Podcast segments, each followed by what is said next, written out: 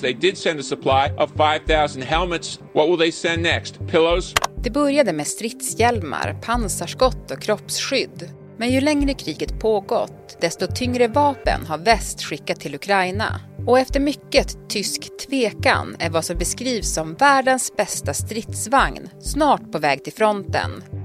Hard power is a reality. If the other guy shows up with the tank, you better have a tank. På en kvart får du veta hur kriget påverkas när väst skickar allt tyngre vapen och varför Tyskland kommer fortsätta våndas.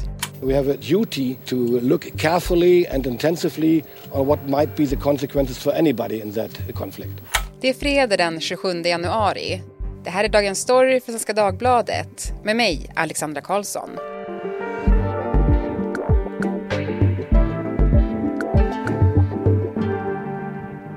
Therese Larsson Hultin, utrikesanalytiker här på Svenska Dagbladet. Vi spelade ju in ett helt avsnitt om Tysklands vånda kring att skicka stridsvagnen Leopard 2 i tisdags. Och det var ett så bra avsnitt. Visst var det, ja. eller hur? Men världen kommer aldrig få höra det. Nej, för sen förändrades ju världen och Tyskland gick ut på tisdagskvällen, eller Spiegel, tidningen Spiegel, eller fick ta på uppgifter på tisdagskvällen och publicerade att Tyskland hade bestämt sig. Så det är det bästa avsnittet ni aldrig kommer få höra. Mm, precis. Men du, blev du förvånad? Nej, eh, alltså jag blev förvånad över tidpunkten just då. Eh, för det pratades om att man trodde det skulle dröja lite till. Men att Olaf Scholz och förbundskanslern tog det beslutet var att vänta, för det var så hårt tryck på honom från alla håll. Det fanns uppgifter eh, i tidningen Süddeutsche Zeitung från helgen att Vita huset hade man mer eller mindre skällt ut Tyskland över att man inte har fattat beslut och så vidare. Så det fanns ett tryck. Men varför sa de ja då när de var så himla osäkra? Nej men det handlar om att, att få eh, andra med sig. Eh, och framför allt så för Olaf Scholz så handlar det om att få USA med sig. Och det fick han till sist. Han fick USA att eh, även säga att de ska skicka Abrams stridsvagnar som då är en annan typ än de här då Leopard 2 som är den tysktillverkade stridsvagnen. Eh, som USA hela tiden har hävdat att den är inte lämplig att skicka. Den kommer inte funka så bra i Ukrainas miljö för att den drar väldigt mycket bränsle. Eh, det sägs att den eh, är svår att reparera, den är svår att hantera och den går tydligen, nu är jag ingen stridsvagnsexpert, men den går tydligen ganska ofta sönder.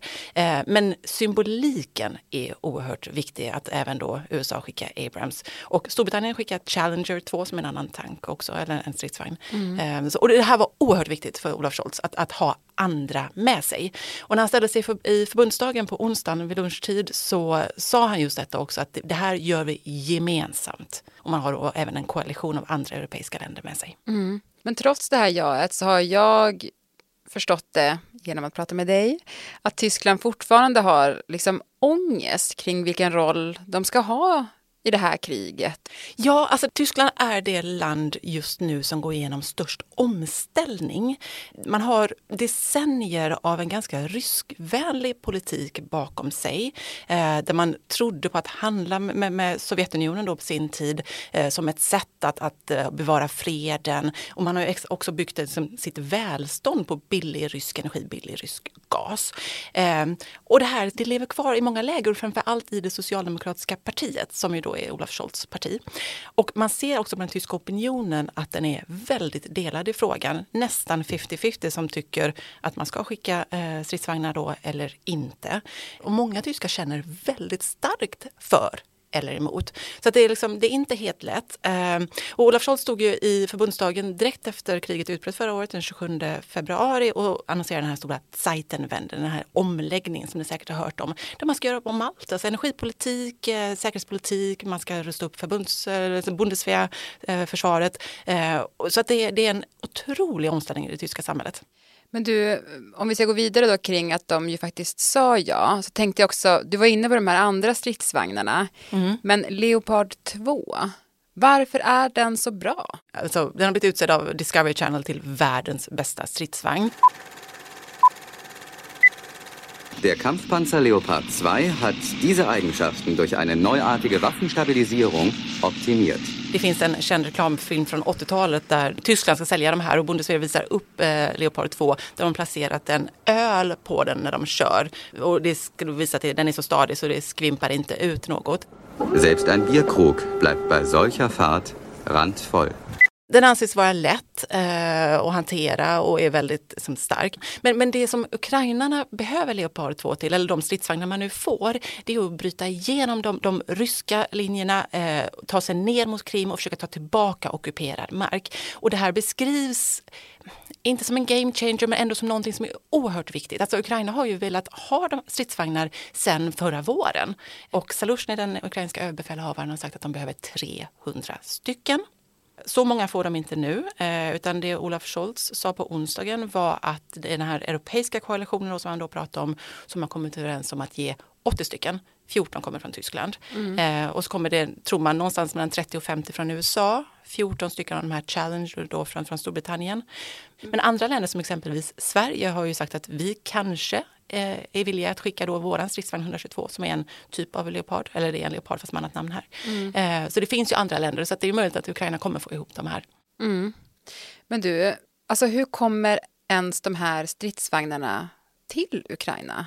Man brukar prata om att vapnen tas in via Polen eller Rumänien in i Ukraina. Allt det här är ju topphemligt så det här är ju liksom spekulationer från medias sida. Det har också pratat om att, att de här vagnarna är för tunga för vissa ukrainska broar. Så det är ju liksom inte helt okomplicerat att föra dem via väg, vägnätet in i Ukraina och då föreställer man att de kanske kommer per tåg.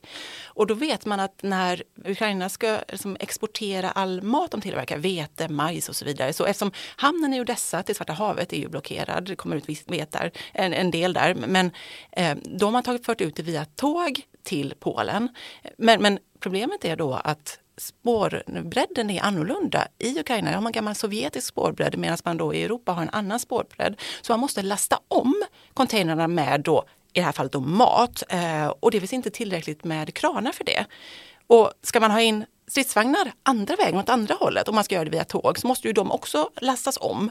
Eh, så att finns det inte till med, med, med, kranar för att göra det för mat så finns det knappast att göra det för stridsvagnar heller. Men jag förutsätter att det är någon som har någon plan någonstans. Men det kommer nog bli problematiskt för det är många pjäser och de är stora. Burrows furniture is built for the way you live. From ensuring easy assembly and disassembly to honoring highly requested new colors for their award-winning seating they always have their customers in mind. Their modular seating is made out of durable materials to last and grow with you. And with Burrow, you always get fast, free shipping. Get up to 60% off during Burrow's Memorial Day sale at burrow.com slash ACAST. That's burrow.com slash ACAST. burrow.com slash ACAST.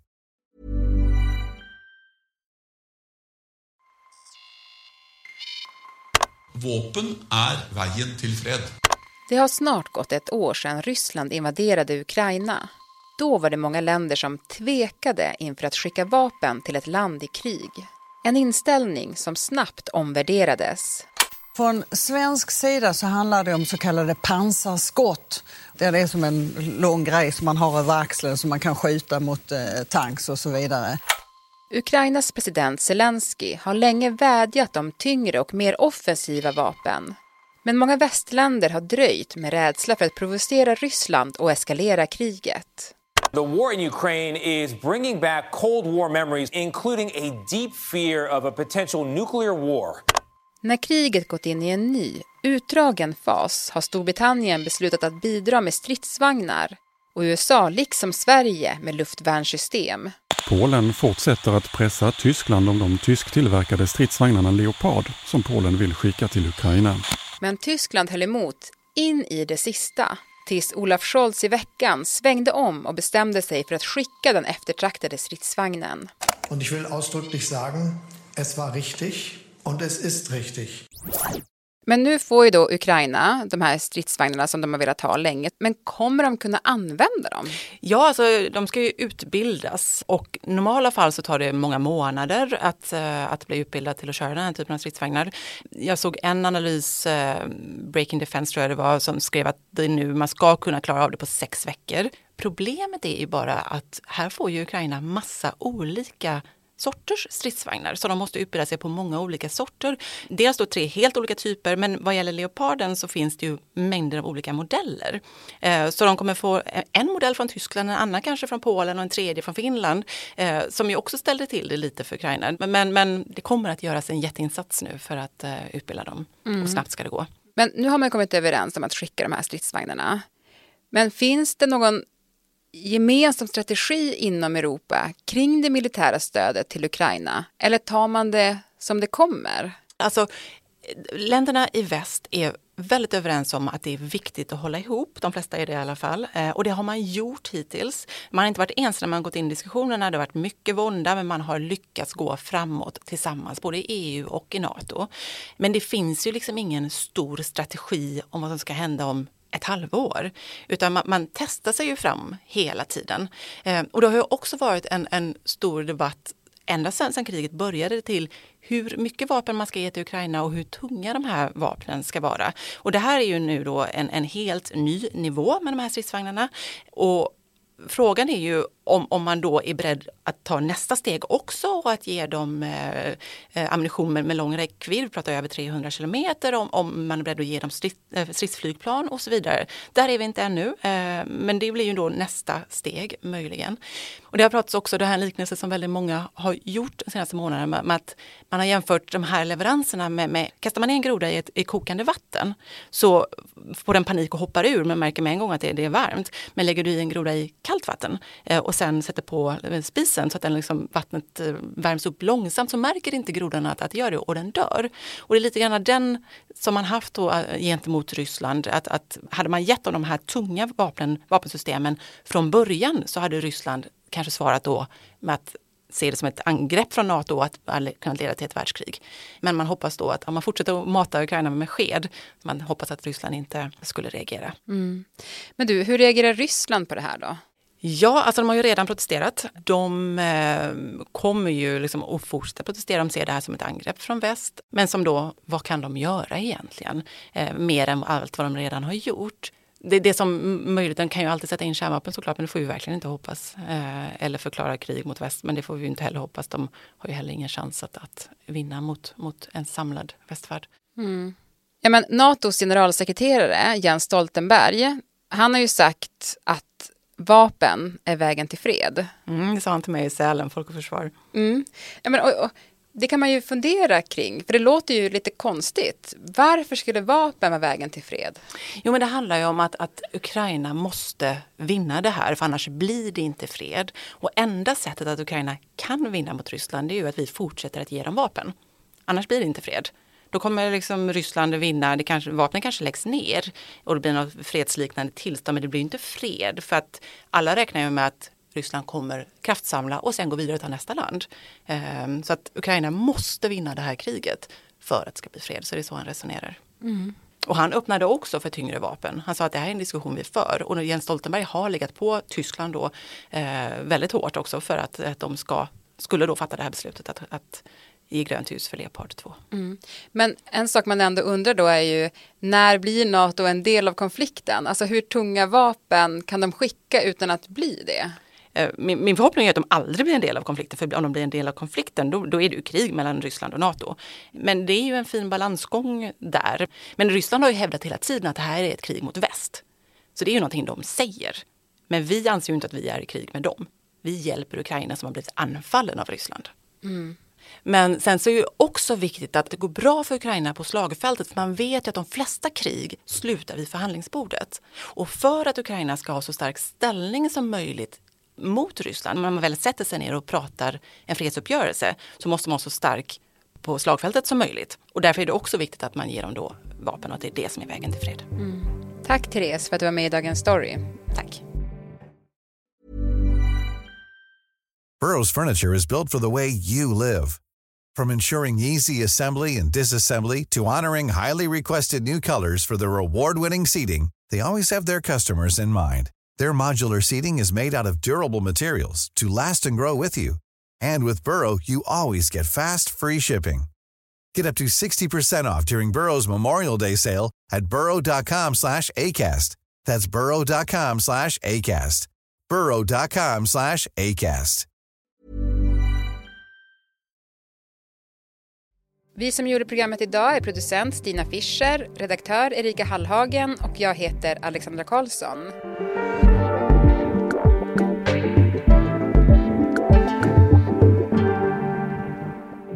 Klippen i programmet kom från Sveriges Radio, SVT, CBS, Fox News och Tysklands försvarsmakt Bundeswehr.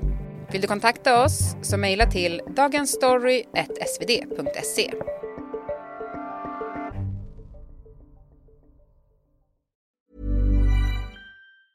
Hi, I'm Daniel, founder of Pretty Litter. Did you know cats tend to hide symptoms of sickness and pain? I learned this the hard way after losing my cat, Gingy. So I created Pretty Litter, a health monitoring litter that helps detect early signs of illness by changing colors, saving you money and potentially your cat's life. Pretty Litter is veterinarian developed, and it's the easiest way to keep tabs on your fur baby's health right at home. Go to prettylitter.com and use code ACAST for 20% off your first order and a free cat toy. Terms and conditions apply. See site for details.